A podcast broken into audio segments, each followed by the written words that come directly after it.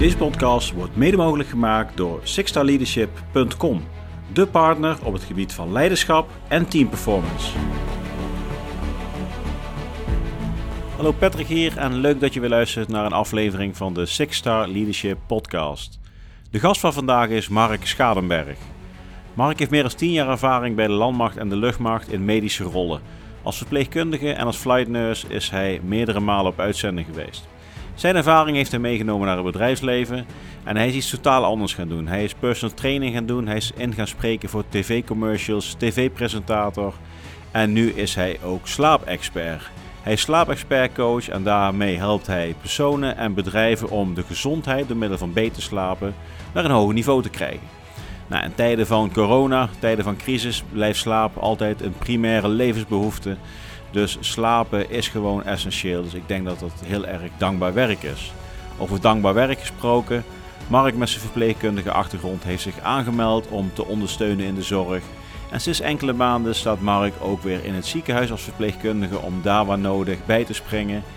Erg mooi om te zien, veel respect daarvoor. En ik denk ook een mooi voorbeeld waarin de militaire en de civiele sector samenkomen en op die manier in tijden waar het nodig is elkaar vinden. Ik wens je heel veel plezier bij het gesprek met Mark Schadenberg. De missie van de Six Leadership podcast is de unieke verhalen van bijzondere personen te delen met zoveel mogelijk mensen. Jouw hulp is daarbij nodig. Dus vind je het een leuke podcast? Like deze dan en deel deze met je netwerk. Laat een review achter en abonneer je op een van de kanalen. Met jouw hulp zijn wij in staat om deze verhalen met een zo groot mogelijk publiek te delen. Dankjewel.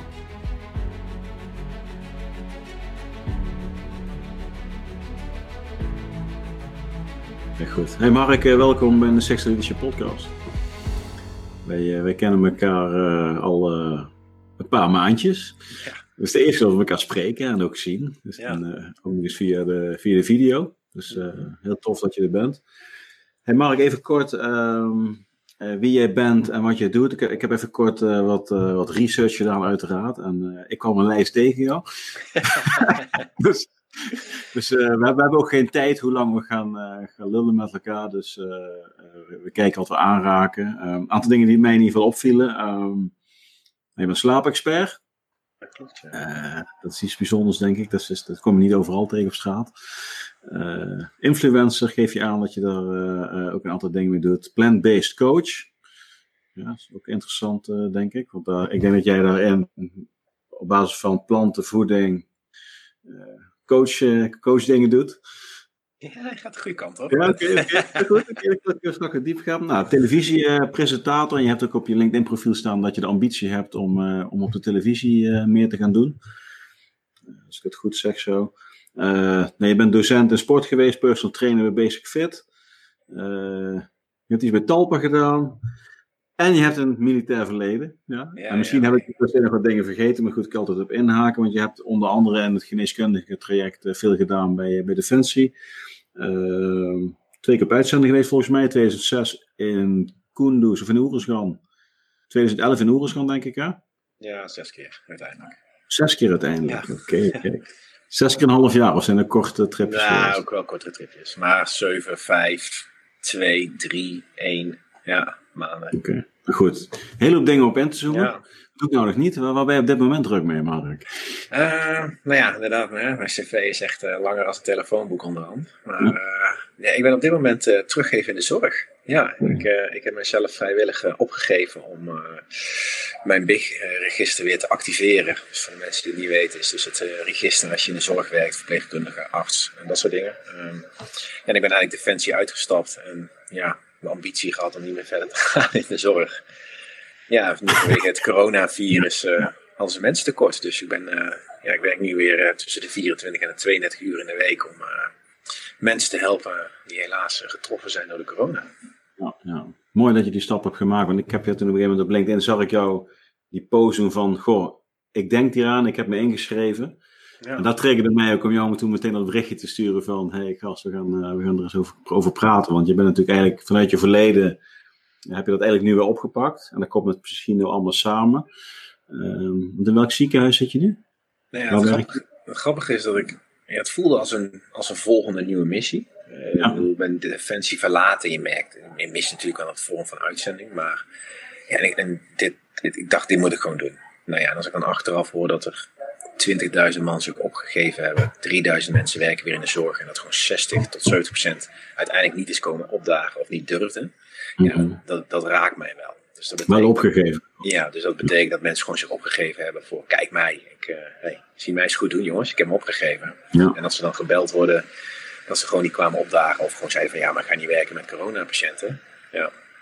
En ik, eh, nou, ik werk eigenlijk niet in het ziekenhuis. Ik werk in een verzorgingstehuis. Mhm. En in de gemeente Amsterdam hebben ze eigenlijk verschillende verzorgingstehuizen één afdeling vrijgemaakt. En daar komen eigenlijk de coronapatiënten die vanuit de huisarts ingestuurd worden. Dus die nog niet slecht genoeg zijn om naar het ziekenhuis te gaan. Maar ook mensen die dus ja, weer goed genoeg zijn, hopen ze eh, weer terug te gaan eh, naar het normale leven. Alleen ja, eigenlijk alles varieert erin. Dus eh, sommigen gaan weer eh, naar huis toe.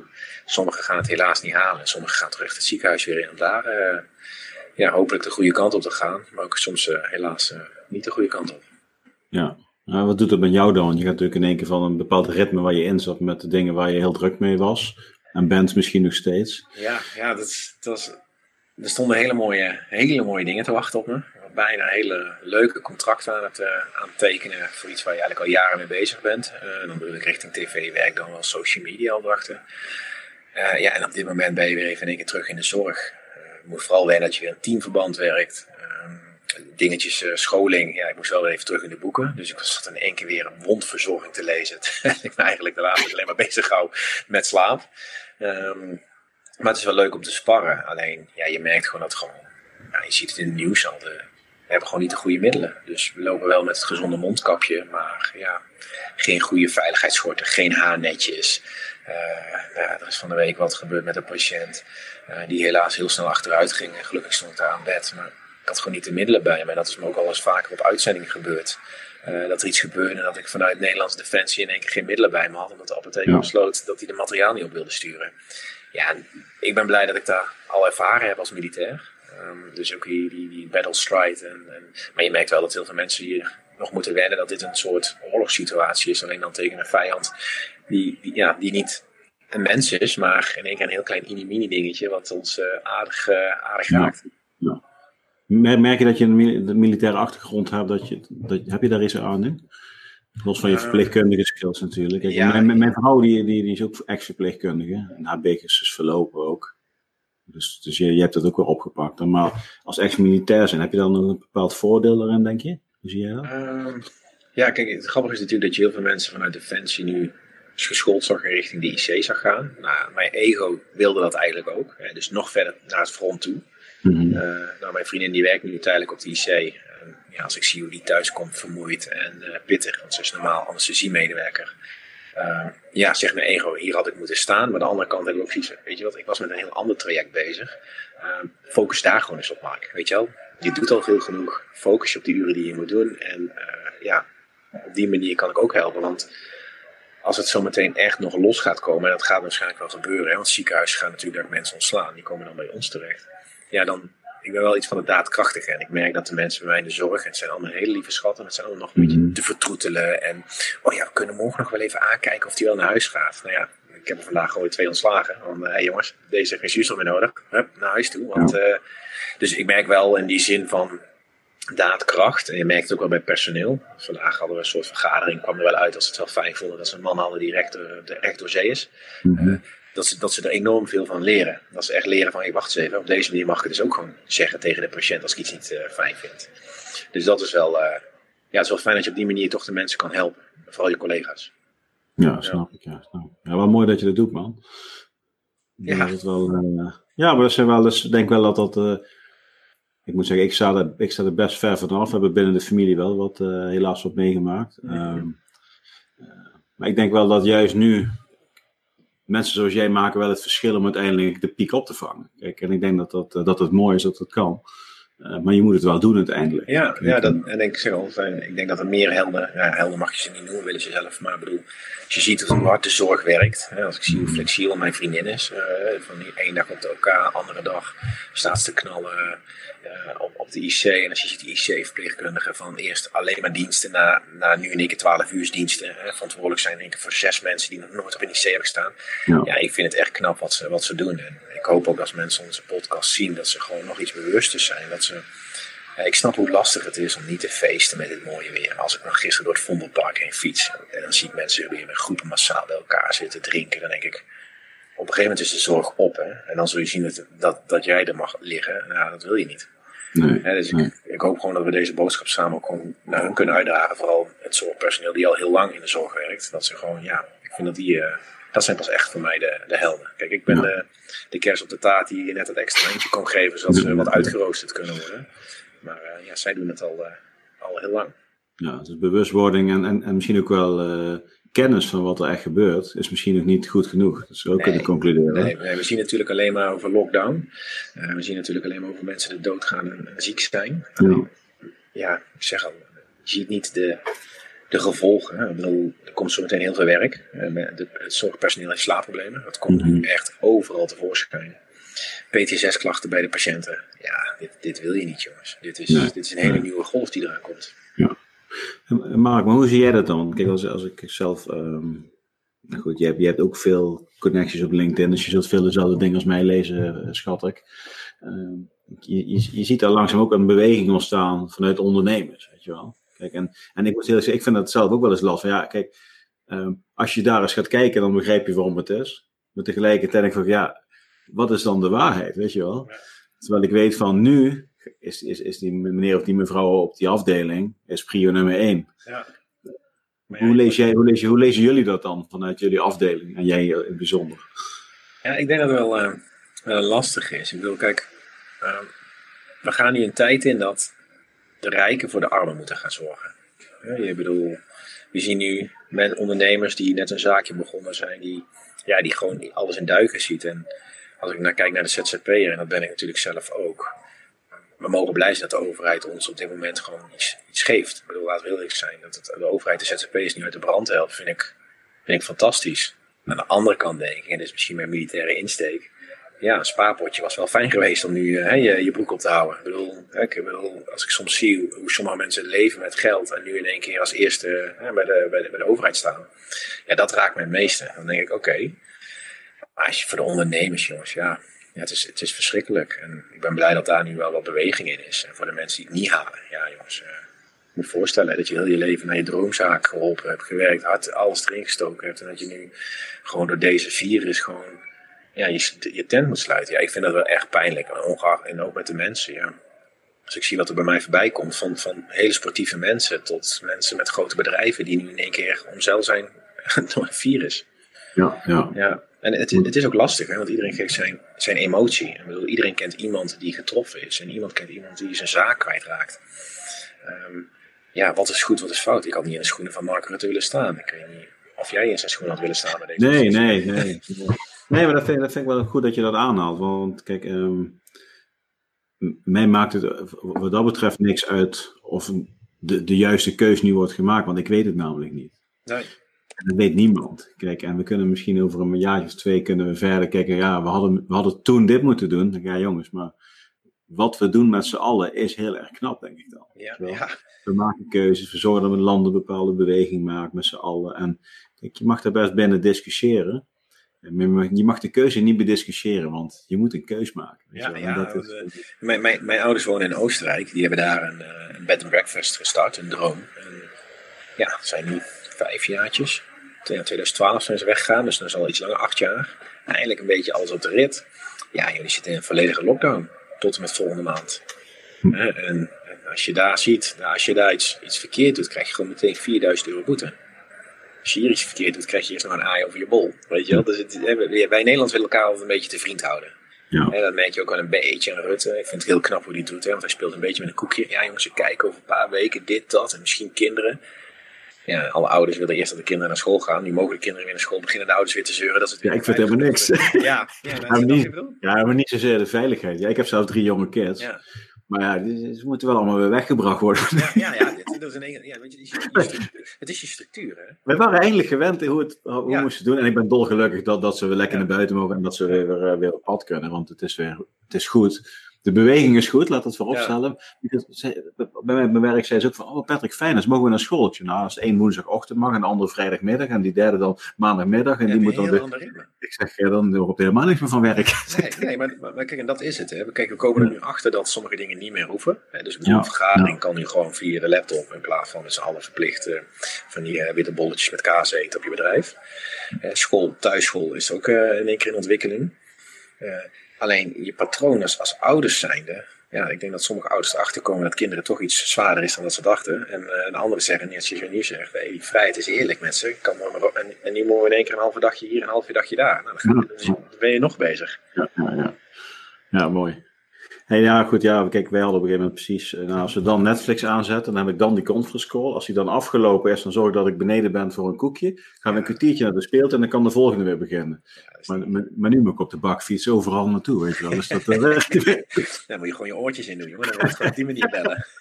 Ja, hey. hey maar Mark, niet wat top, man. Ik vind het echt uh, mooi dat je dat doet. Uh, en en um, um, het, ja, het sluit natuurlijk ook mooi op het verhaal van het Sixer Leadership. Uh, vanuit Defensie, ja. de beweging maken naar de burgermaatschappij. Ja. Uh, ik kan niet meteen bij slaapexpert beginnen. Dan, ik denk dat het iets is waar we, waar we straks even op terugkomen.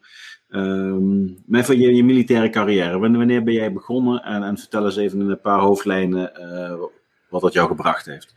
Nou ja, ik ben in 2004 ben ik naar Luchtmobiel gegaan vanwege een weddenschap. Uh, een van de jongens die had... Je hebt die verloren, toen moest je gaan. Nee, nee, nee. jongens, ik, speelde toen uh, nog veldhockey en uh, ik deed een beetje met mijn vrienden in, in het dorp een beetje dachten en bier drinken. Weet je, een beetje... Ik zei, ja jongen, dat ga jij nooit halen, jongen. Ja. ja. Toen ging ik eigenlijk naar de keuring eerst. En ik zat in zo'n tussenjaar, omdat ik net het, te jong was voor de start van de Uh, dus ik moest het tussenjaar doen. Uiteindelijk bleek ik goedgekeurd te worden voor ja, factor 4 heet dat, dus commando's, mariniers. Alleen ik had toen lenzen. Mm -hmm. Dus ik moest van de Luchtmobiel. Ja, toen ben ik eigenlijk meteen naar 12 uh, stafkompie gegaan. Dus meteen uh, als... Uh, ja. In Schaarsberg is het, hè? Ja. ja. Ja, ik kwam in één keer tussen de ervaren jongens. Ja, Rob van der Helm. Ja. En toen moest ik meteen... Ja, ja, kennen. Dat is heel lang geleden. naam wel, ook. Ja. En toen ben ik eigenlijk meteen naar Oesman gegaan, TVU 1. Ja, en daar wat bezig geweest in de medische sector. Ja, toen werd eigenlijk al heel snel besloten dat ik richting de KMS moest om AMV'er te worden. Want mannen in de luchtmobiel nodig die ANV'er zou worden. Ja, toen is het eigenlijk best wel allemaal heel snel gegaan. En elke keer weer een uitzending en weer naar een andere, ja, andere eenheid gegaan. Want ik, was, ik, ik hield niet van stilzitten. Als ik nee. jongens hoorde die paraat zaten, of vijf jaar, zeven jaar, tien jaar, dacht ik, jongens, heel tof, maar dit is not me. Ik wil groeien. Dus uiteindelijk naar Assen gegaan, Charlie Compie, Para's. Uiteindelijk met de Delta Compie, met Harm uh, naar Koenders gegaan. Ja, toen kwam de mogelijkheid om naar de luchtmacht over te stappen als flight nurse. Ja, toen dacht ik, hè, ga ik even, even weg uit het groene bos. Gaan we de helikopter op. Dat had wat heel veel problemen. Omdat andere mensen voorrang kregen. En ik werd elke keer weer op uitzending gestuurd. Want dat is lekker makkelijk. Hè? Mark, fysiek sterk, kan overal met iedereen mee. En de rest kreeg ik een mooie opleiding in het buitenland. En toen wilde ik in 2016 wilde ik naar de BCB. Alles gehaald. Op de laatste test zat ik in het gesprek met de psychologen. Ja, en toen had ik me net, kwam ik net terug uit Afrika met de Marshof. en een dag later moest ik naar Afghanistan toe weer. En toen zei ze, ja, vanwege jouw thuissituatie uh, nemen we je niet aan. Nee, je gaat die opleiding niet halen. Toen dacht ik, jezus, word ik, word ik zo gestraft om mijn loyaliteit. Ja, die uitzendingen hier, cursussen daar. Ja, en toen eigenlijk in de uitzending Afghanistan ben, heb ik een CrossFitbox begonnen. En toen is dat social media uit de hand gelopen. En mhm. uiteindelijk in 2017 uh, heb ik Defensie verlaten om uh, mijn eigen pad te kiezen. Ja. ja. Wat, wat, wat, was dan de thuissituatie die speelde? Um, nou ja, ik, mijn ouders zijn uh, geëmigreerd. Die mm -hmm. uh, heb ik een handje geholpen. Alleen die zijn best wel goed voor de gek gehouden daar. dus dat is helaas wat anders afgelopen. Waardoor ja, een stukje financiën ik in één keer iets er anders voor zat dan, dan mm -hmm. gepland. ja, daar konden zij absoluut niks aan doen. Maar ik heb met liefde gedaan. Ik heb met liefde ze geholpen en uh, met liefde ook uh, ja, samen het probleem getild. En ja, het andere stukje was toen ik in Afrika zat, had ik een lief ex-vriendinnetje. En die besloot om uh, mij op straat te zetten, omdat ze toch maar niks vond dat ik zo vaak weg was. Dus ik, ja, ik werd op alle kanten gepakt door de psycholoog. Ik, was, ik moest op uitzending, ik had geen huis thuis meer, want ik ja, woonde samen. Ik had een stukje financiële schuld gehad, waardoor ik voor een gevoel opkoopbaar was. Ja, toen werd ik in één keer aan de kant gezet. Dat mocht ik niet in. Dus misschien waren er nog wel meer redenen, maar ja, dat waren de redenen die ik kon bedenken. En dan eigenlijk ook wel een beetje gaaf zit aan. Uh, ja, en uiteindelijk dacht ik ook dat de BSB meer een ego uh, doel was om daarheen te gaan. Van kijk jongens, ik ga nu weer het echte werk doen. Maar uiteindelijk denk ik dat ik nu het juiste pad bewandeld heb bij wie ik mag zijn, wie ik mag zijn. Ja. Is dat ook iets wat in, in jouw karakter zit? Vooral in die tijd, misschien nu nog steeds, weet ik niet, dat je ook graag naar buiten wil laten zien dat je een stapje meer kunt? Ja, ja je hebt natuurlijk twee soorten mensen. Hè. Zeg ik altijd. Je hebt die extra vette mensen die heel erg bezig zijn met wat anderen van ze vinden en heel erg laten zien. Hè. Dat gebeurt nu ook in de coronatijd. Hè. Je hebt nu de mensen heel erg aan de buitenwereld wel laten zien. Kijk, ik ben dit aan het doen en zus en een workout hier en een tukje dat. Mm Je hebt de mensen die denken van ja, wat ik doe heeft toch geen zin. Nee, laat maar. Weet je wel, de, de, in de schuld, in de schuldpositie zitten. En ja, ik was eigenlijk bij militaire dienst altijd een beetje op zoek, zoek naar uitdaging, maar ook wel een beetje naar de innerlijke ik. Waar ga ik heen? Wie, wie mag ik zijn? En ja, ik was geen, ben geen domme jongen. Ik bedoel, als ik zie wat ik allemaal gestudeerd heb en ook uit de hendigheidstesten en capaciteitentesten kwam. Ja, en ik vond met de BSB mee op uitzending geweest. Ik dacht, ja, dit is wel iets wat bij mij past. Ja, en uiteindelijk moest het zo zijn dat het niet doorging. En ja, nu zijn we slaapexpert. ja. ja, het is een heel, heel ander pad geworden. Slaapexpert. Ja. Even terug, wanneer heb jij KMS gedaan? Welk, welk jaar is dat? 2007. Ja. 2007. Ja, 2007. Nog de oude, oude manier van KMS. Dus, ja, oké. Okay. Ja, precies. Ja. En weer nog. Ik, heb, ik, ik, ik heb in 2004 gedaan al. Oh ja, ja. Dus niet, niet zo heel ver uh, vanaf. Het was ook een, uh, een, een, pittige tijd. Uh, mijn nadeel is, ik, ik, ik moest altijd streven. Mijn uiterlijk werd altijd een beetje ik was altijd de mooi boy en uh, dat soort dingen. Zo verandert dat of niet? En nou, ja, die, die word je ervoor betaald. en, en ja, ik, ik, ik, kwam altijd bij ervaren lui die al jaren ja. in dienst zaten. En dan kwam ik als ja, vliegensvlug raket die uh, zijn rangen passeerde. Ja, en ik moest me altijd een beetje staande houden. Maar ja. ja daardoor bleef je ook, wilde je ook groeien. Want het was ook een... Voor, voor, ja, je denkt van ja, weet je wat, als je weer 25 jaar op Corporal 1 bent, super gaaf, tof. Maar ja. ja, toen kon ik wel mijn 24 e Jean worden. Ja, dat wil je dan ook niet. Want, nee, nee, nee. Maar uh, ja, ze is wel gegaan. Ben ik een oude lullen. Dus uh, de carte blanche en weer ken je ook wel. Ja, zeker. Oké. Okay. Ja, ik denk iedereen er weet wel. Nog een mooi verhaal? Of? Nou, ja, ik kan wel van je mooie mafkezen die... Ja, ik weet nog wel dat we ergens terugkwamen met de carte blanche. En dat een van de jongens, oh, heette die ook weer? Mike volgens mij. Hij zat bij de luchtdoelatterie. Mm Zo gek als een deur. Ja, die als een pasje vergeten. En in plaats van over het hek klom je onder de slagboom door. Ja, als je iets niet mag doen, joh, zonder die slagboom door. Ja. Dus uh, ja, het was eventjes een ritje kamag met z'n allen. Ja, ja, ja. hoe, heet, hoe die andere kroeg ook alweer een beetje? Want Carte Blanche was dan voor later. Als het dan een uurtje of twaalf, ja, één uur Ja, we gingen eerst dan een beetje naar de Bastille natuurlijk. Ja, ja, ja. ja, De, de defensiekroeg. Ja, en ja. Uh, ja, als je dan nog goed in de olie zat, was het drie pizza's bestellen en dan uh, ging je door. Ja, ja ik heb een mooi verhaal, uh, ik ben daar uh, afgelopen zomer naar Pink geweest. Die was op Malieveld. Mm -hmm. Ik moet natuurlijk even zeggen dat ik van mijn vrouw mee moest nu. Hè? Nee. Ja, ja, ja. Dat, was echt, dat was echt super tof. Was dat. En, uh, dus wij, wij staan op een gegeven moment bij zo'n groepje vier gasten. Twee vrouwen, twee mannen. En die komen het Weert. En Weert, wel, ik zei, ik heb KMS gedaan. Ik zei, oh, ik zei, ja, we gaan een carte blanche. Hij was de eigenaar. Oh, echt? Die kwam gewoon Malieveld. Hij heeft toch wel een drankje gegeven, hè? Ja, ja, we hebben goed gedronken. Nee, we hebben goed gedronken, ja. Maar hij is allemaal niet meer, want dit is natuurlijk allemaal weg, de kamer. Ja, het al, uh, het is Hij zei, het uh, was mooi, want dan kwamen die mannen weer en dan uh, was het feestje. Ja, bizar, hè? Ja, maar je bent Defensie uitgegaan op een gegeven moment. Mm -hmm. wat was voor jou de hoofdreden dan om eruit te stappen? Ja, ik heb een tijdje gevochten naar erkenning. Dus voor al het mm -hmm. werk wat ik deed, kreeg nooit een bedankje. En weer uh, kom ik net terug aan de uitzending. En drie maanden later zat ik weer uh, ergens anders. Of uh, moest ik weer dat doen. En ja, ik merkte gewoon dat ik niet meer op mijn plek zat. En ja, toen gingen we reorganiseren bij de luchtmacht. En ik zat op een gegeven moment gewoon 1500 keer op een dag mijn Facebook te refreshen. In plaats van in een helikopter vliegen. Mm -hmm. En, en, en, en, en, ik hikte er al de hele tijd tegenaan. Maar je kent het, vertrouwde salaris. ja, hopen op dat succesmomentje dat er toch iets gaat gebeuren. Ja, en toen werd er iemand major, die in mijn ogen nooit major mag worden. En, en ja, ik, ik weet je, zei, als hij het gaat worden, dan uh, kap ik. Ja, op het moment dat hij uh, die rang hem kreeg, heb ik meteen mijn slagpapier ingeleverd. Ja, en ik ben op de dag ben ik hem nog steeds dankbaar, want ja. anders had ik waarschijnlijk nog steeds gezeten en was ik nog steeds aan het vechten tegen, tegen, ja, tegen het systeem.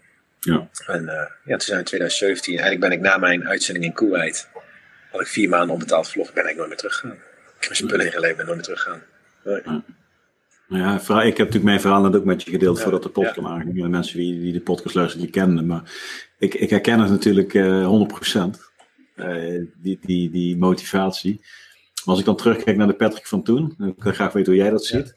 Met de kennis van nu. Eh, het was ook wel een ego-dingetje dat je zat te boksen, dat je meer wilde en erkenning. En, Natuurlijk, ja. Ja, maar ik bedoel, wat ik heel fantastisch vond, is is die ja, van uh, Bo en van Door met die jongens met PTSS. En, en, en daar zeggen ze het heel mooi. Hè? Weet je, het enige aan wie je erkenning kan geven is aan jezelf. En, ja, ik- het was voor mij natuurlijk een stukje storytelling. Hè? Elke keer weer een uitzending, eh, weer de gekke opleidingen. Eh, alleen kreeg ik er nou echt voldoening van. Het was altijd, het was altijd gezeur en gezeik. Ik, Ja. ik, zat in, ik zat in Kuwait en, en, en, en ja, een soldaat die, die wordt dan wel, die breekt zijn nek in de douche. Precies op het doucherandje van die, van die oude douchedeurtjes. Weet je? Dat is dus ook, ja, en ik beslis daar om niet, niet, niet te reanimeren uit ervaring. En het was met Amerikanen. Ja, ik ben daar gewoon drie dagen als CIA ondervraagd. En, Nederland was nergens. En uiteindelijk kwamen de Amerikanen erachter dat ik de enige wist wat er gebeurd was. En de juiste beslissing had gemaakt om, om de collega's van de Amerikanen te beschermen. Omdat het hun eerste missie was.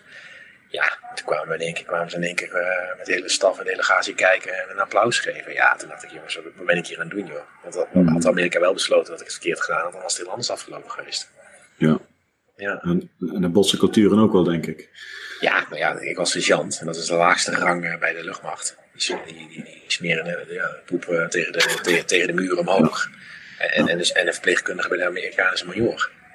Uiteindelijk gingen ze wilden de Amerikanen mij promoveren, maar anders me niemand serieus nam. Nou, dacht je dat de Nederland dat toe, toeliet? Natuurlijk niet. Ja. Dus eh, nee, het is de juiste keuze. Ja. Nou, je zegt net eh, met Harm, je kent Harm ook, Harm eh, Podcast 5. Ja. Heb je met hem samengewerkt? Vertel eens.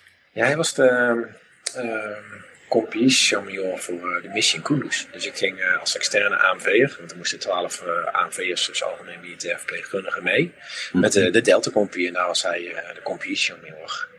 Dus toen zijn we samen op uitzending gegaan en ja, als iemand een beetje charisma heeft en een vlotte babbel, ja. dan is Arm dat. En, ja, na het verhaal van jullie podcast is natuurlijk nog veel mooier wat hij gedaan heeft. En ja, ik denk dat hij het nog een keer zou doen. Dus ik vind hem echt een, ja, echt een militair en hart en nieren. Ja, ja. Ik, maar heel blij zijn met zo iemand. Ja, dat vind ik ook. Is echt, ja. maar hij gaat naar Texas. Hè? Hij gaat naar Texas. uh, de Sergeant Major Course gaat hij doen daar. Dus dat is, uh, ja, ja, dat is super. En een van mijn oude groepsgenoten van de KMS, die zit dus in... die zit bij de Marines als, als ex-luchtmobiele, is hij daar uh, geplaatst. Ja. en, nee, bij de... Zeg ik dat? Nou ja, een van die groepen. Ja, jij bent het fantastisch daar. Ja, ja. Groot gelijk, denk ik. Ja, denk ik ook wel. Ja, denk ja. Ik wel. Hey Mark, maar je bent nu bent eruit gestapt. Ja. En uh, wat was je plan? Je had natuurlijk uh, aardig wat momenten in het buitenland meegemaakt, uitzendingen, veel vlieg, vlieguren gemaakt, letterlijk en figuurlijk. Ja, ja, en eigenlijk het grappige is, ik had al heel snel een heel groot netwerk buiten, buiten Defensie. En Defensie zag ik echt gewoon als werken met een groen jasje aan. En ik ging er ook echt heen van 8 tot 5. Dus ik reed erheen s ochtends, deed mijn ding. En als ik om half vijf weg kon, dan was het dan een half uur winst. En toen dacht ik, weet je wat, ik ga in Amsterdam kijken of ik misschien personal trainer kan worden. En ik had al tussentijds, want ik was natuurlijk best vaak weg, had veel vakantieuurtjes. En dan ging ik gewoon in het buitenland, gaf ik al ergens personal training. En toen kreeg ik eigenlijk een opdracht uh, in, in december, januari, om naar Miami en New York te gaan. Om daar uh, mensen personal training te geven. Dacht ik, ja, dit gaan we gewoon doen. Go with the flow, gas erop. Nou, dat viel allemaal wel een beetje tegen, want ik ben erachter gekomen dat ik echt, ja, ik ben een coach, geen personal trainer. Nee. En ik wilde personal training geven, dus ik ging hier bij de dames fitness, de basic fit, ladies only, ja. kon het mooi uh, wat uurtjes sprokkelen. Alleen, ja, het ging in één keer heel snel naar mijn social media. En toen groeide ik daar zo in mijn following dat ik in één keer ja, samenwerkingen kreeg met, met zulke gekke bedragen. Ja, dan kun je zeven maanden voor op uitzending gaan, dat verdien je nu in één keer in een foto. Ja, dat ik maar wat deed, je, wat, wat, wat deed je dan op social media? Nou ja, ik kreeg gewoon samenwerkingen. Dus bedrijven die dan wilden dat je een drankje promoten. Of uh, ja, voor, met mijn vriendin ben ik een circuit wezen racen in Barcelona. Of op de rode lopen voor de film. Of geïnterviewd daar. En toen dacht ik, ja, dit is leuk. Dit is lachen. Nee, want ik, nu, uh, ik hoef niet meer zo hard te werken. Dus eigenlijk uh, heb ik toen ja, anderhalf jaar mijn vrijheid afbetaald. Dus ik ben gewoon een beetje gaan lanterfanten. Gewoon vier, zes uurtjes in de week maar werken. En, en gehoopt van nou zien we waar het terecht komt. Ja, uiteindelijk is dat zo uit gaan pakken. Dat ik ben gestopt, gestopt met personal training. Want, nou man, ik werd er zomaar van één uurtje een beetje iemand uh, Hannessen. Verdiepen in coaching, want dat vond ik wel heel gaaf om te doen. Um, ook door middel van de ervaring uit missies en natuurlijk de groepsgesprekken met je soldaten. Ja, en toen is dat social media naar tv-werk gegaan. En, en, mijn coaching is inderdaad nu gaan specialiseren naar eerst een stukje plantaardig eten. En um, ja, slaapcoaching. Slaapcoach, ja. ja. Maar voordat jij uh, influencer werd, wat, wat postte je dan? Want hoe heb je al die attentie gekregen? Nou ja, ik begon toen ik in 2016, nadat die keuring van de BSB afgekeurd was, moest ik naar Afghanistan. Ik kreeg een uh, staffunctie in uh, MES. En daar moest ik 12 uur diensten draaien in de ops voor medische dingen. En nou ja, laten we eerlijk zeggen jongens, er gebeurde er niks meer. Het was echt saai, 12 uurtjes met de Duitsers. Nou, als er iets niet echt mee kon werken als met de Duitsers. Ja. Uh, dus saai, saai werk plus ook nog eens een keer saai collega's. Dus. Uh, ja, ja, ze hebben natuurlijk een heel andere gedachtegang. En uh, ik kwam al iets later in de lichting, omdat ik dus die keuring van de BSB had gehad. En in één keer, dus iedereen was een klein beetje twee weken gesetteld. Maar superleuk Nederlands team. En ja, er stond een tent leeg. En ik was toen, ja, ik deed heel erg crossfit. Ik ben een van de eerste in Nederland die ooit begonnen is met crossfit. toen dacht iedereen dat je een keer ging op zo'n cross trainer. Nou, nu moet je maar vragen en iedereen weet wat het is. Ja. En toen uh, ben ik uh, groepslessen gaan geven. Toen heb ik uit 22 nationaliteiten heb ik daar les gegeven. Uh, Nederlanders getraind. Een van de dames is nu Nederlands kampioen power, gewichtheffen geworden. Die, lachte mij nog uit. Ik zei tegen haar van, nou, je moet gaan gewichtheffen. Ja, nu haalt ze de Nederlandse titels in haar gewichtklasse. Dus het is machtig mooi te zien natuurlijk. En daar kreeg toen de mensheld wat lucht van. Dat ik dus daar ja, les gaf. En uiteindelijk ben ik naar de PIBO gegaan. Dat is zo'n fitnessbeurs, Plastic Fantastic. Het enige wat er staat is proteïne shakes en mensen die iets vaker in de fitness staan dan ik. Ja. Daar stond ik tussen de wereldberoemde vloggers, bloggers in de fitnessbranche. Ja, ze hadden één groot probleem. Ze hadden geen verhaal en ze waren ontiegelijk uh, arrogant. Ja, en ik met mijn 300 volgers, militair geweest, net terug van een uitzending, huppakee, verhaal. Ja, toen ging, toen ging de volgers omhoog. En ja, uiteindelijk kon ik mijn verhaal vertellen op social media. En toen is dat uitgegroeid met modelwerk, eh, commercials, eh, dat soort dingen. Ja, dus in één keer een hele andere eh, camouflage op mijn gezicht naar voor de camera. maar heb je nog steeds een verdienmodel erop met het, uh, met het social? Ja, je krijgt gewoon, ja, er komen gewoon opdrachten binnen. dus ik heb van, vorige week of twee weken geleden met IKEA samengewerkt. Uh, ja, met de Vegetarische Bond heb ik een kookboekenuitreiking gedaan. Um, ik doe nu iets met recycling. Ik ben sinds kort ambassadeur van uh, Wereld Natuurfonds geworden. Ja, het een volgt het ander. Ja, dus, dus, dus dat, jij kunt zorgen dat de Sexta Leadership ook ja, gewoon viral gaat. gewoon viral gaat. Mensen, hij, hij, is, hij is nog niet te bestellen, maar wil je er eentje hebben dan... Ja, dan bij deze. Bij deze. Ook Mark raadt hem aan, want je weet niet hoe hij brengt, maar hij ziet er in ieder geval goed uit. Hè? Dus dat is belangrijk. Hij, hij, is betrouwbaar. is betrouwbaar, ja. ja maar toen, toen heb je uiteindelijk, want, even kijken, toen ben je naar, uh, je noemt wel plant-based coach. Dus is dat een gevolg op, zeg maar, de personal trainer, de, gezondheid, dat je daarin bent nou gerold? of is het gegaan? In 2015, toen heb ik de kak... Uh, training gedaan. Uh, eh, BC, dus die survival uh, course. Dus de eerste week is natuurlijk uh, gewoon in Nederland leren vuur maken tot vissen vangen, dat soort dingen. En de tweede is 24 uur zonder vraging met een weekje lekker door Duitsland met heel wat oefenvijanden achter je aan.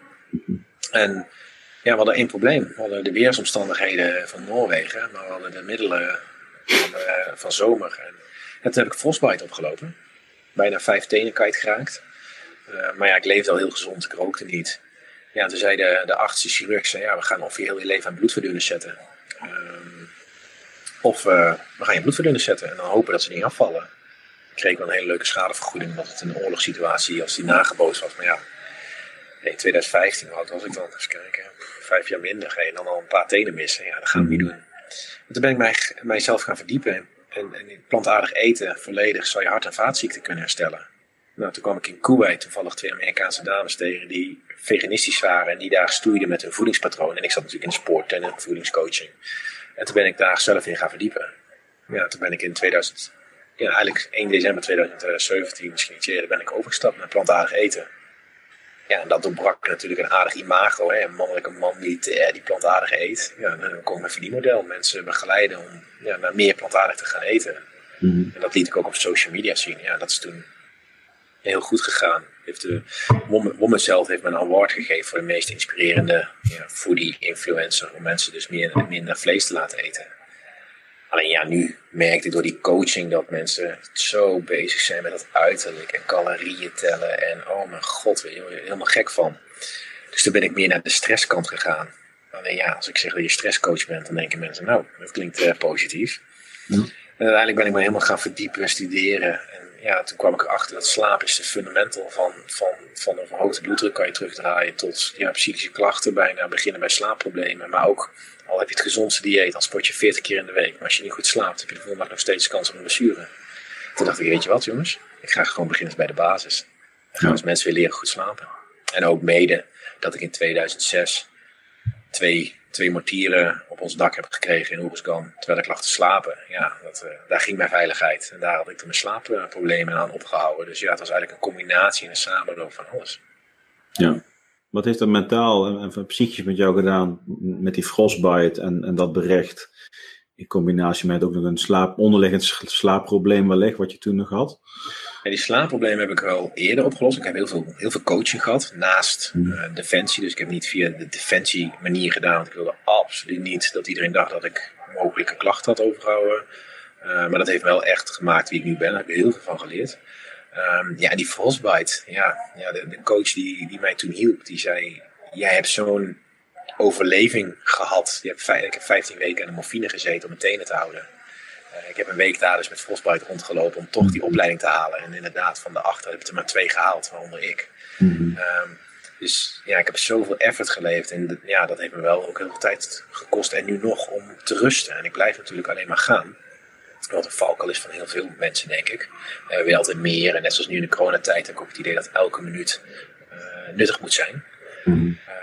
Heeft mij mentaal echt wel. Uh, ja, ik heb mijn hardheid bewezen, denk ik. En, en, maar het heeft mentaal heeft me wel echt opgeslokt. En ook qua slaap. Hè? Dus ik was echt vermoeid, niet lekker slapen. Ja, toen dacht ik, weet je wat, ik ga hier mensen in helpen. Want ik ben hier niet de enige in. Niet, diegene die frostbite heeft, maar wel die mensen die ook in het dagelijks leven elke dag aan het overleven zijn en, en niet goed slapen. Ja, is goed slapen het beste medicijn waar iedereen eigenlijk gewoon op de plank heeft liggen? Ja, ja als, er, als er één wonderpil is, is het uh, goed ga, slapen. Ga, ga, tussen 7 en 9 uur slapen. En zorg dat de slaapkwaliteit goed is. Ja, is ja. We kunnen uur over lullen wat uh, voordelen en nadelen zijn, maar ja, mensen vergeten gewoon hoe, hoe belangrijk slaap is. En de reden, hè, ik slaap als ik dood ben. Dat heb ik vroeger ook gezegd toen ik puber was. Maar het klopt, als je slecht slaapt ga je eerder dood. Nou, is dat in deze tijd het waard? Denk ik niet. Ja, ze zeggen ook de meeste mensen overlijden in hun slaap.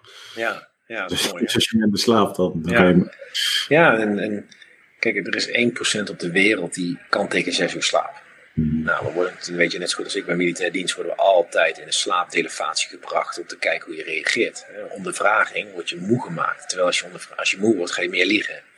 Dus, ja, dus, um, maar onze leiders helaas slapen ook heel weinig. En je maakt gewoon 60% meer kans op foute beslissingen. Dus onze Trump, iedereen die nu maar spijs slaapt, maken dus al foute beslissingen door een slaaptekort. Ja, dat is wel een fijn gevoel wat ons, hè, ons, ons leidt. Ja. Ja. Dus als de, hele, als de hele regering weer drie dagen doortrekt, dan weet je al dat er een uh, ja, ja. Het, begint gewoon al bij één nacht slecht slapen. Dat je 25% kans meer hebt op fouten. 70% uh, langer doet over je werkzaamheden. Uh, ja, en dat is de reden dat ik nu merk dat ik in de slaapcoaching gewoon van, van Jupiler League teams die nu aan mijn mouw trekken tot Olympische Spelen. Ja. En zelfs Defensie beginnen nu met coachingstrajecten op te zetten. En daar ben ik al lichtjes een beetje voor benaderd van, hey, zou je eens niet uh, jouw uh, expertise hier willen delen? Ja. Ja. Hoe vinden ze jou? Hoe, hoe komen ze bij jou uit? Um, ook veel door LinkedIn tegenwoordig. En wat ik gewoon heel erg merk is echt mond op mond. Ook samenwerkingen. Ergens hebben ze me wel eens gezien of gehoord. En dan, uh, ja, dat is, dat is fijn. Dus je hoeft niet heel Ja. veel reclame te maken. Ja, slaapexpert, wat, wat- doe je dan, Mark? Je hebt, je hebt, je hebt, je hebt ervaringen als eh, ervaringsdeskundige, noemen ze dat natuurlijk. Hè?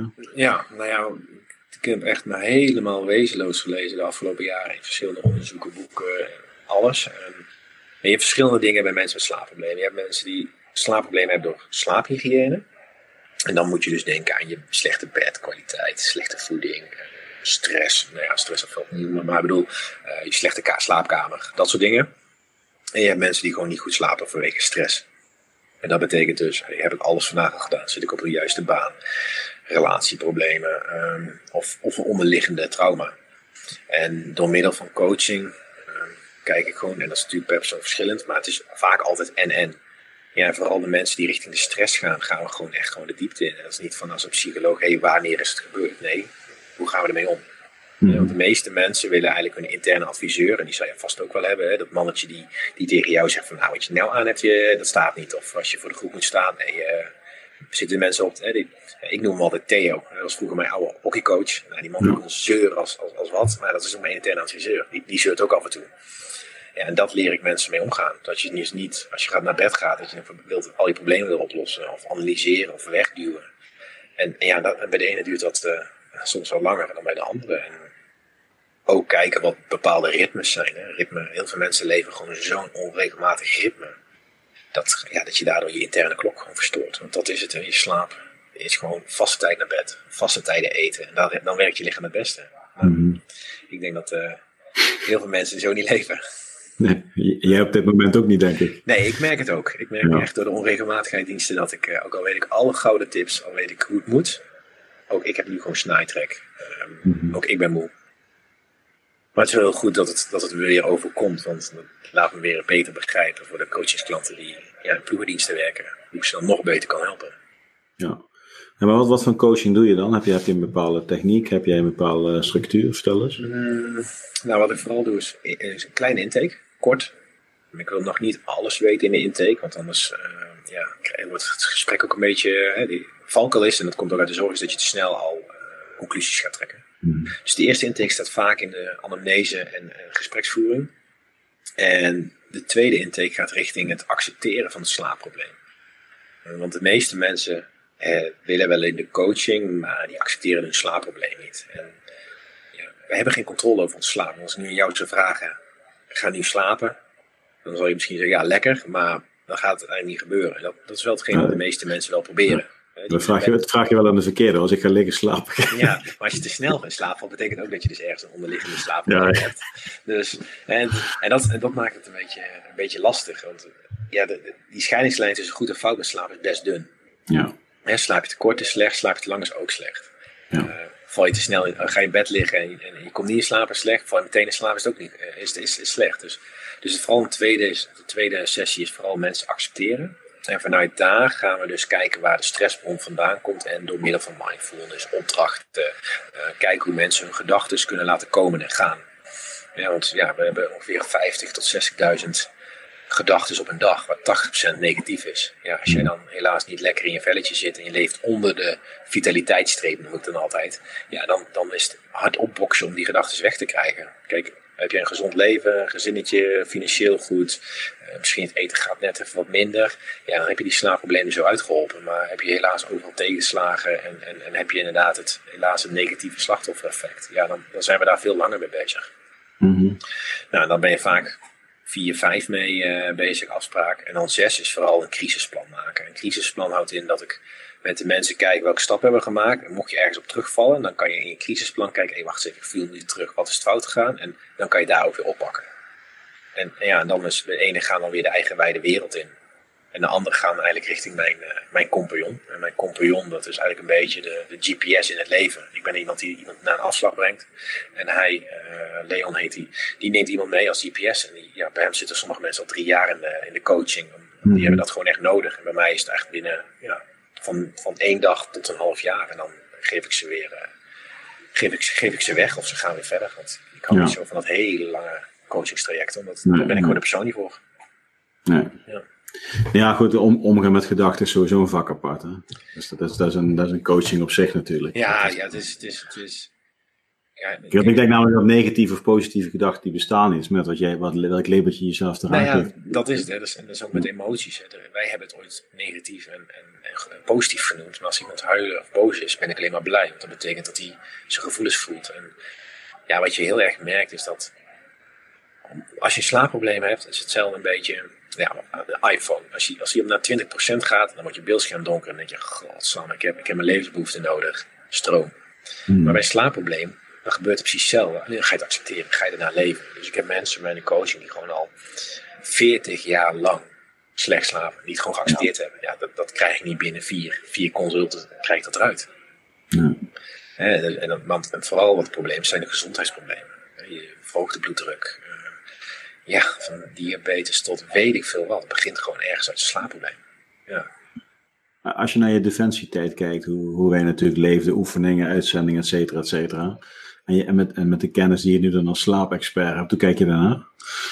Ehm, kijk, ik, ik begrijp donders goed de drills. En, Mhm. en, en de vermoeidheid leer je goed kennen. Want laat ik eerlijk zijn, tijdens oefeningen leer je je collega's kennen. Ehm, alleen als ik kijk, als er een mooi voorbeeld is, als er iets traumatisch gebeurd is, is er nu gewoon bewezen dat je eigenlijk het liefst niet moet gaan slapen. Want dan sla je meteen deze traumatische ervaring op. Ja, wat gebeurde er vroeger bij Defensie? Er gebeurde iets en je moest meteen naar je kamer toe en je moest je gaan rusten en wachten tot de, tot de psycholoog kwam. Ja, wat gaat iemand dan doen? Piekeren en slapen. Ja. Ehm, dus ik denk, en ook bij, bij de jongens, ik zag natuurlijk best wel veel vermoeidheid. Dus ook agressie, relatiebreuken, alcoholgebruik. Ehm, dus, dus ik denk dat daar nog wel winst op te halen. Het is logisch dat we het doen, want het is een soort vluchtgedrag van, van, de, van, de, van het werk. Ik bedoel, sommige mensen doen het hier natuurlijk in Amsterdam ook. Hè. Maandag tot en met vrijdag is het uh, eten en in het weekend is het quinoa snuiven. Ehm, en, en, en, dus het is niet gek dat het gebeurt. Alleen ik denk wel dat door een paar kneepjes en misschien ergens wat extra rust in te lassen, dat, dat mogelijk het resultaat beter is. Alleen, ja, we willen altijd maar volharding en afzien en... en Stompen. Juist, hè, we willen altijd we willen dat OEA-gehalte. Kijk, op een gegeven moment kwam volgens mij bij het KST ook hè, proteïnepapje erbij. Dus er werd er al meer voeding toegegeven. Want we kwamen erachter dat het te weinig eten was, uh, begreep ik uh, via, via via. Ik ben natuurlijk nooit zelf daar uh, geweest. Maar ik begreep wel dat op een gegeven moment hè, extra voer toegediend werd. Ja, soms denk ik ook, is het niet beter om soms je mannen wat meer te slapen? Waardoor ze A, meer leren. B, fysiek langer inzetbaar zijn. En C, ze, ze, ze kunnen uiteindelijk gewoon veel meer. In plaats van de hele tijd afbreken en dan, en dan zeggen dat je de ideale persoon hebt gevonden. Ja, ja dat is wel. Ik, ik heb zelf eigenlijk twee carrières binnen Defensie. Mm -hmm. Ik ben opgekomen bij, als tanker, als lader ja. van een Leopard. Gewoon een uh, lompe vent, uh, grana granaten erin duwen, zeg ik maar. En, uh, en ik ben na een jaartje of vijf ben ik dan naar, naar de verkennis gegaan. Mm -hmm. Dan was het een rugzakje en gaan en ja. wel meer op de gezondheid, et cetera. Ja. En als ik terugkijk naar, naar die eerste jaren. Wij reden natuurlijk met apparaten die kosten 10 miljoen. Die wogen, ja. die wogen, die wogen 60 ton. Ja. Dan gingen wij naar een schietbaan in uh, Berghonen. Ken je denk ja. ik wel. En, uh, maar wij zaten dan tot, uh, tot één uur s'nachts in een tent te zuipen. We die wijs waren. En dan om vijf uur werden we eruit getrapt. En dan gingen we de schietbaan toe. Dan gingen we daar schieten. En dan gingen we terug. En, het is, nee. dus het is, kijk, broodje worst tussendoor met, met mosterd. Ja, ja, inderdaad. Dan kwam die terug. Dat drie weken lang, weet je wel. Ja. Maar als je, als, je, als je twintig uur wakker bent, uh, dan heb je hetzelfde concentratie en, en, en uh, alertheid van iemand die, die acht biertjes gedronken heeft. Ja. Dus, dus moet je voorstellen als je dan nog een alcohol eroverheen gedronken hebt. Oh ja. Uh, en, ja. En, en daar komen we nu natuurlijk achter, want in die tijd wisten we natuurlijk allemaal, wisten we het allemaal niet. Um, maar het is gewoon, als je ziet hoe, wat voor fouten er gemaakt zijn, ja, is het ooit begonnen bij een slaaptekort, hè, ontladingsfouten. Ja. Ik, nu terugdenkend aan de ontladingsfouten die ik in mijn leven gezien heb, denk ik dat dat niet het fout is geweest van zijn handen, maar het fout is geweest van te weinig slaap. Ja, het was een mooie tijd, hè? Begrijp je ja. niet verkeerd? Ja, ja, ja, ja, zeker. Ik bedoel, ik, heb, ik heb genoeg meegedaan. Ik bedoel, vooral als je naar Duitsland ging, hè? Ik bedoel, dan had je natuurlijk je slotpeuken die je voor je vriend meenam en uh, je flessen alcohol die je van tevoren bestelde. Maar ja, weet je, het is, het is ook een, het heeft je ook gebracht waar we nu zijn. Snap je wat ik bedoel? Ik bedoel, ja, had het niet willen, ik had het niet anders willen doen. Ik had ook, en kan had ik het ook niet de gouden regels willen hebben van het slapen. Weet je, dat je om tien uur in bed in moest, uh, acht uur eruit en... Uh, ja. Dus nee. Maar staat er meer op de planning, Mark, voor jou? Want je wil ook graag richting de televisie op termijn misschien? Nou ja, we waren al bezig met RTL 4 om te gaan presenteren. Um, dus ja, nu weet ik het corona zit dat uh, natuurlijk waarschijnlijk in de pijplijn. In de Leopard uh, pijplijn. Ja. Um, ja, is een schietbuis, hè? Ja, ja, ja. ja, ja. mag, niet, mag niet zeggen. Mag niet zeggen. Nee, nee. En um, nou ja, ik ga op dit moment met slaapcoaching uh, zit ik aan tafel met wat uh, Jupiler uh, voetbalteams. En uh, wat jongens en meisjes die richting de Olympische Spelen van 2021 gaan. Dus ja, daar ga ik op focussen. En ik ben bezig met een boek schrijven. Ja. Waar gaat, de, waar, gaat de focus? Je doet heel veel dingen nu. Wat, Ja. wat even Nou de ja. Het fijne is, ik ben natuurlijk een boek aan het schrijven, dus ook echt op mijn eigen tempo. Dus dat is ook een beetje eh, ontlading en eh, ik word er ook gewoon bij geholpen. Ik bedoel, altijd beter schrijven, dus eh, fijn dat iemand mooie zinnen kan maken. Ehm, alleen ik denk ook mijn kracht is een beetje de afwisseling. Dus het, het stukje tv, mijn eigen plezier, hè, dat, we de entertainer in mij. Maar het, het traject om een doel te gaan bouwen na 2021 eh, gaat mij ja, op het rechte pad houden, zeg ik al. Mhm. Dus ehm, ja, we zijn nu langzaam daarmee bezig. En nu is nu natuurlijk is de focus de coronazorg. Maar als het werk weer gaat lopen, dan stop ik gewoon in het ziekenhuis. Eh, ongeacht hoe de corona eh, is. Dat is heel jammer, maar ja, ik moet toch voor de andere partij kiezen. Want daar word ik gelukkig van. Daar krijg ik voldoening van uiteindelijk. Ja. Ehm, dus dat, eh, die twee paar wegen gaan naast elkaar toe lopen. Ja, waar, ga- waar gaat je boek over? Wat in je hoofd zit? Ehm, nou, het boek gaat eigenlijk een stukje over mijn ja, militaire defensieverhaal. Met ja, de levenslessen die ik meegekregen heb en de ervaringen. Dan wel het coachen. Dus om mensen uiteindelijk richting dat slaapcoaching, voeding, eh, stress. Ja, en dan toch in het persoonlijke verhaal. Dus waar ben ik als kind begonnen? Eh, wat heb ik op uitzending meegemaakt? En eigenlijk een beetje, want je kan het heel erg relativeren. Dat weet je ook natuurlijk naar het, naar het normale leven. En ik denk dat dat Ehm, ja, kijk, op social media is niet te laten zien wat ik allemaal gedaan heb en wat ik doe. Ik denk dat door middel van een boek kan ik mensen daar eh, nog beter bij helpen. Ja. Ja. Heb je een verhaal van je defensietijd wat je zou willen delen al? Ja, ja ik, begin gewoon al met een stukje, nou, zeker het Frostbite verhaal, wat ik net Mhm. vertelde. Maar ook gewoon de, ja, het moeilijke, eigenlijk een beetje de tweestrijd die ik had. Hè. Dus het altijd het vechten voor mijn plaatsje bij militaire dienst. Eh, dat is natuurlijk altijd mijn uiterlijk, eh, was het altijd eh, de mooi boy, zuster, Mark, dat soort dingen. Ik weet niet waar, waar dat vandaan komt. Als je bij mijn eenheid had gezeten, was je een van de minder knappen geweest. Ja, ja, daarom. Dus ik denk dat ik, ligt echt aan de eenheid, Mark. Ik, ja, ik denk het, hè. Ik, ik, ik denk het, ja. Nou ja, ehm, ik denk vooral dat ik de, wat eigenlijk net zei, het stukje ego. Hè. Dus het ego wilde veel meer, maar de, de echte Mark, hè, wie ik wil, de, de entertainer, ehm, ja, dat botste. En dat, dat zie ik natuurlijk bij heel veel millennials nu. Hè. We willen van alles, we moeten van alles, eh, van onze vrienden, van onze omgeving, van onze ouders. Eh, maar wie mag je echt zijn en welke waarden wil je dragen? En ja, daar ben ik. En daar coach ik ook mensen in. Hè. En ik denk dat dat de, de, boodschap gaat worden. Hè. Dus ook Ja. al zit je nu niet op het juiste vak, waar wil je naartoe en hoe ga je daarheen? Ja, Ja. mooi. Mooi. Ik heb eh, Michiel van der Pols, eh oud marinier, ook podcast mee gehad. En, die- en die zegt dat heel mooi van, dat je eigenlijk bijna iedereen binnen Defensie, en dan ga ik wat bagatelliseren, maar spelen wel een bepaalde rol. Ja, op, ja het moment dat, op het moment dat iemand zeg maar, de, de dapperheid heeft om eruit te stappen, het moet, de moed zeg maar, dan Ja. komt hij er eigenlijk achter dat hij jarenlang niet zichzelf echt is geweest. Ja, ja, nou ja, dat heb ik ook. Ik heb echt, een, ik heb echt vanaf dag 1, 9 augustus 2004, heb ik, heb ik, een, heb ik een rol ingenomen. Nou, dus uiteindelijk is dat ANV'er geworden. En, en, en, dat, en dat begon te botsen. En, en de buitenkant kreeg je de erkenning niet. Binnenin gaf je je eigen erkenning niet. En ja, toch gelukkig heb ik een setje gekregen, want anders had ik het niet gedurfd. Maar ja, jongens, ik heb een vrijheid van een leven. Ik doe alleen maar leuke dingen. En vooral wat ik echt zelf leuk vind. Eh, En nu in de zorg merk ik wel dat die vrijheid weer afgenomen wordt. Hè? Want jij zit in één keer in een rooster en eh, je moet dit, je moet een aan de arts vragen of ik een paracetamol mag geven. Ehm, maar dat is ook degene waar ik mensen nu in coach. Hè? Die autonomie, die vrijheid. Wie wil je zijn? Waar wil je naartoe? En dat is ook de reden waarom denk ik heel veel mensen ZZP'er willen worden. Want iedereen wil die vrijheid. Hè? Weer terug naar vroeger. Ik geef jou een kip, jij geeft mij een auto ervoor terug. Ja, nu eh, wil jij iets van mij hebben, waar ik heel veel geld voor betaal, want dan kan je op vakantie. En loondienst is een soort machtsvorm. En, en sommigen zijn er heel goed in, hè? begrijp me niet verkeerd. Maar ja, loondienst, als je, iets, als je te veel doet, dan, word je, dan, dan, dan ziet niemand je staan. Doe je te weinig, word je ontslagen. Ja, want op papier bes- beslist iemand dat jij die, die regeltjes moet naleven. Ja, dat begint nu te frikken bij de mi- millennials. En dat is ook hetgene wat ik... eh, Bij mij begonnen de regeltjes van Defensie begonnen te frikken. Ik liep tegen de muur omhoog. Ja. Ik moest dit, ik mocht, dit, mocht dat niet. Eh, ja, wacht eens even, ik ben eh, zo oud. Eh, volgens mij heb ik ook recht op een studie. Nee, nee, nee, je moet eerst nog een keer op uitzending. En die anderen dan? Ja, die krijgen wel de studie. Oh, ja.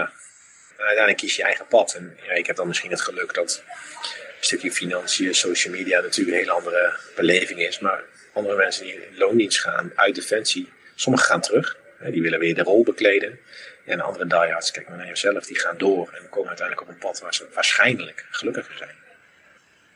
Ja, ja iedereen heeft zijn eigen pad natuurlijk, weet je wel. En dat is natuurlijk het mooie van, van wat er speelt. En ook met name de mensen die ik in de podcast spreek.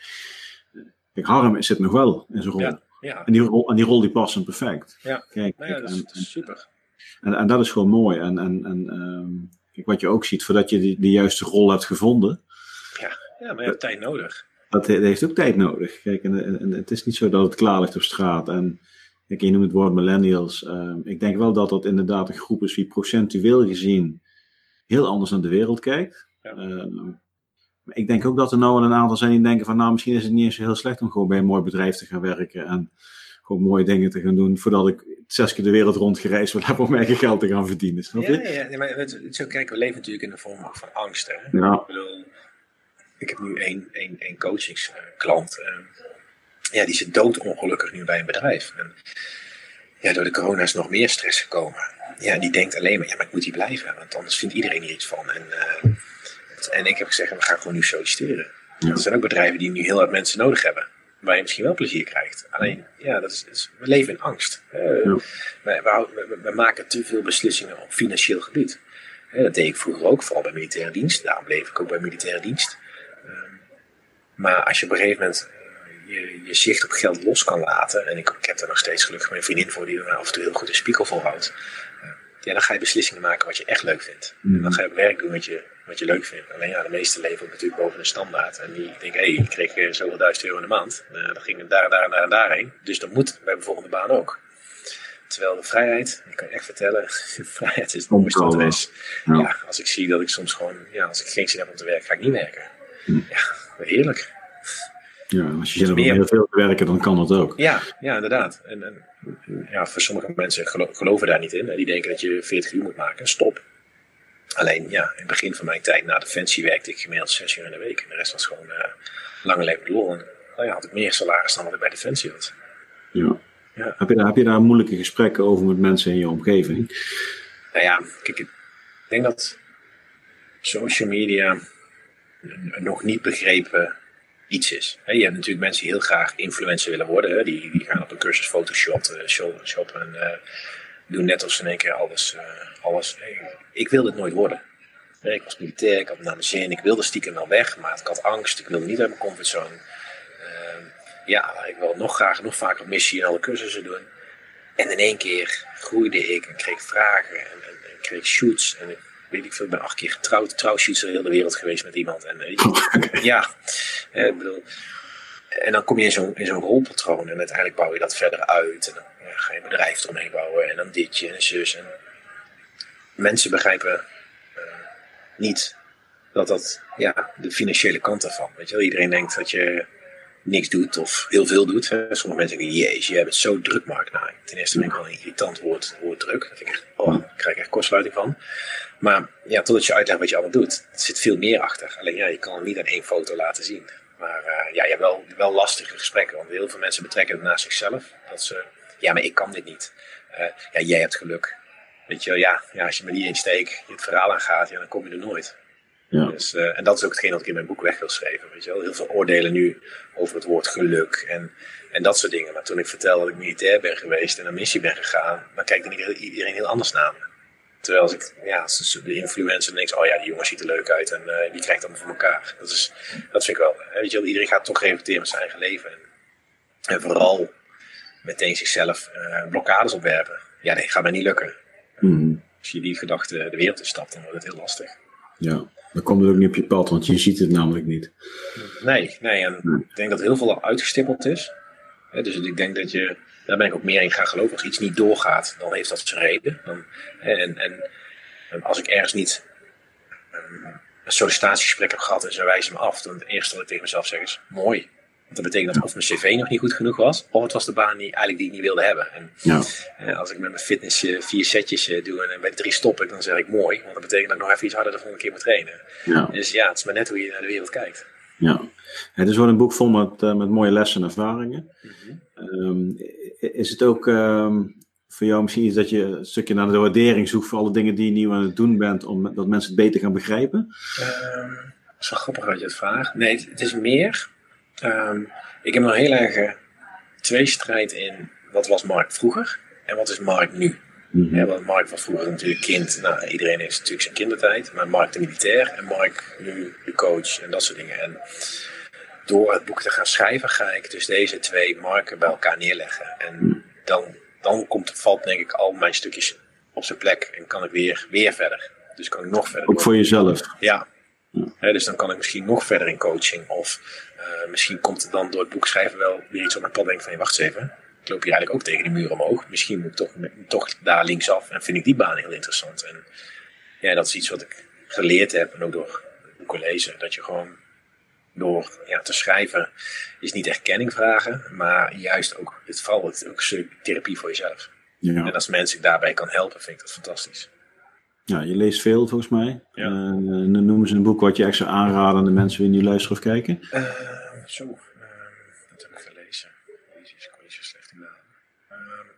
nee, ik vind bijvoorbeeld de boeken van Tim Ferriss heel... ja, voor, voor our work week. ja, ja. Hij schrijft meer natuurlijk. Ja. ja, ja, ja, maar kijk, hij gelooft natuurlijk in het woord succes. Mm Ik zeg altijd, succes is, is, is, vaak tijdelijk. Het gaat veel meer om zin, zinsgeving. Hè? Dus waar, waar word je gelukkig van? Uh, maar hij geeft wel een leuke kijk op hoe dingetjes kunnen. Kijk, heel, heel veel dingen um, ja, moet, je, moet, moet ook lukken. Hè? Als je persoonlijkheid bent. Dat speelt natuurlijk ook mee. Ik bedoel, ja. Um, um, en ik, ja, wat, ik moet van mijn vriendin ook veel meer normale boeken gaan lezen. Maar ja, ik lees alleen maar studieboeken tegenwoordig. Ja, wat heb ik laatst nog gelezen? Nou ja, misschien dat ik er zo op kom. Maar, en ik lees ook veel uh, de boek, boek, van Sander Aarts gelezen. Weet je, of mm jongens ook van Defensie. Ik vind het gewoon heel leuk om te lezen hoe iedereen. Uh, Marco Kroons en boeken vind ik ook heel interessant om gewoon te lezen. De manier hoe zij iets gedaan hebben. En ja, had ik door dat lezen van die boek ook bij de SF willen zitten? Ja, ergens wel. Ik bedoel, dan komt ja. e ego weer natuurlijk ja, aan de andere kant. Had ik maar. Ja, ja, ja, ik, ik heb het wel. Ja, mosten naar de maaltijd. Dus ja, ik, ik, lees eigenlijk een beetje van alles. Ja. ja. Heb je dan als je zo'n boek leest, uh, ik herken het heel erg, dat je, dat je ook af en toe passage hebt, goh ja, had ik eigenlijk ook wel gekund, maar eigenlijk niet gedaan. Maar als ik het had gedaan, dan...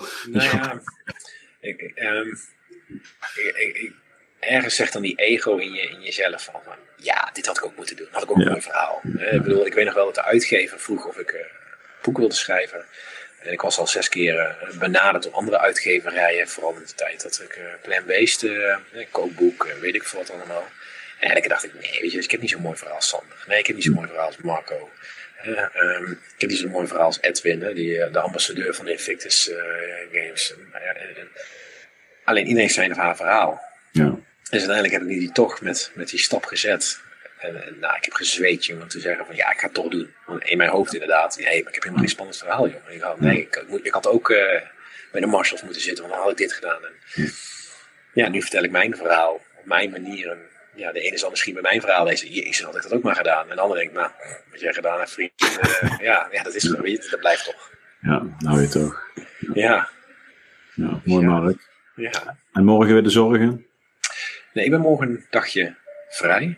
Ik ben bewust. Ik had wel wat afspraken staan, maar dat heb ik allemaal afgezet. Om eventjes uh, even het rempedaal, van de podcast. Rem, rempedaal, ja ook. rempedaal in te trappen. Dus, uh, ik denk dat morgen lekker uh, trailrun is met de hond. En daarna werk aan boek.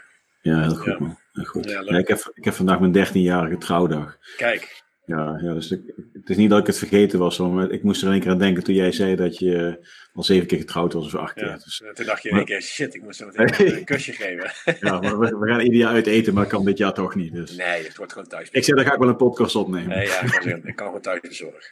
Ja, dus, uh, hey, Mark, bedankt man. Leuk verhaal. En uh, je hebt veel gedaan. En je gaat nog heel veel doen, heb ik het idee. Dus het boek komt eraan. Als het boek uitkomt, moet je even laten weten. En dan ja, maken, stuur ik op. Ik uh, zeker een afspraak maken, is leuk.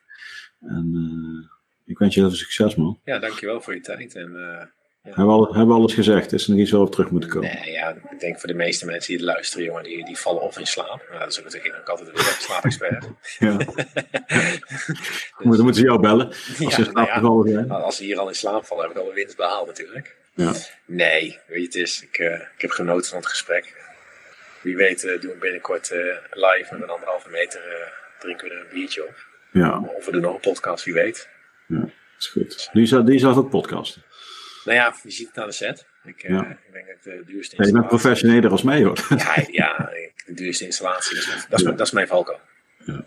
als kerst voor ga is meteen, meteen het duurste van het duurste. Alleen, ja, ik heb wel wat opgenomen. Alleen ook daar heb ik weer mijn interne adviseur. Zit iemand hier op te wachten? Is dit goed genoeg? Dus, Ja. dus daar kom ik die stap ook even in gaan zetten. Maar ja, zoals we al net hoorden, ik doe veel te veel. Dus eh, eerst focus op het ene. Of in ieder geval eh, concentreren Ja. op het ene en nee zeggen tegen het andere. Dus eh, dan met de gasten in de podcast, wat ik heel leuk vind. Dan al mijn effort gaan insteken in eigen podcastserie en dan de rest half doen. Nee, als je iets doet, moet je het goed doen. Ja, inderdaad. Ja, goed man. En dankjewel hè. Ja, jij ook. En eh, geniet van je 13-jarige huwelijk. Ja, ik ga even kijken of het op taal staat. Ja, ik, heb, Top, ik, toppoes van gisteren. ik, had, ik, ik had gekookt en de afwas stond er nog en ik zei ik moet gaan. Dus Ja. ik heb een opname. Nou ja, dan doe je het zo meteen, maak het goed. ja, nee, echt man. Leuk. Top, dankjewel. Yes. En dan komt het gesprek met Mark Schadenberg alweer ten einde. Uur is voorbij gevlogen, we hebben veel de revue laten passeren. Dus als je nog wat na wil lezen, ga naar sixandleadership.com slash podcast. En daar vind jij linkjes naar meer informatie. Mark is slaapexpertcoach, ook verpleegkundige nu. En het is mooi hoe dat samenkomt samen met zijn ervaring als militair verpleegkundige. Ik heb er erg veel respect voor. En erg mooi dat hij een hele hoop dingen onderneemt en nu op deze manier zijn waarde kan toevoegen aan de maatschappij. Dus ik wil jou bedanken als luisteraar. Ik wil Mark zeker bedanken als mijn gast. Vind je het een leuke podcast? Like dan deze uitzending en abonneer je op een van de kanalen. Zo help je ons groeien en zo kunnen wij meer mensen bereiken. Voor nu bedankt. Patrick hier. Einde bericht.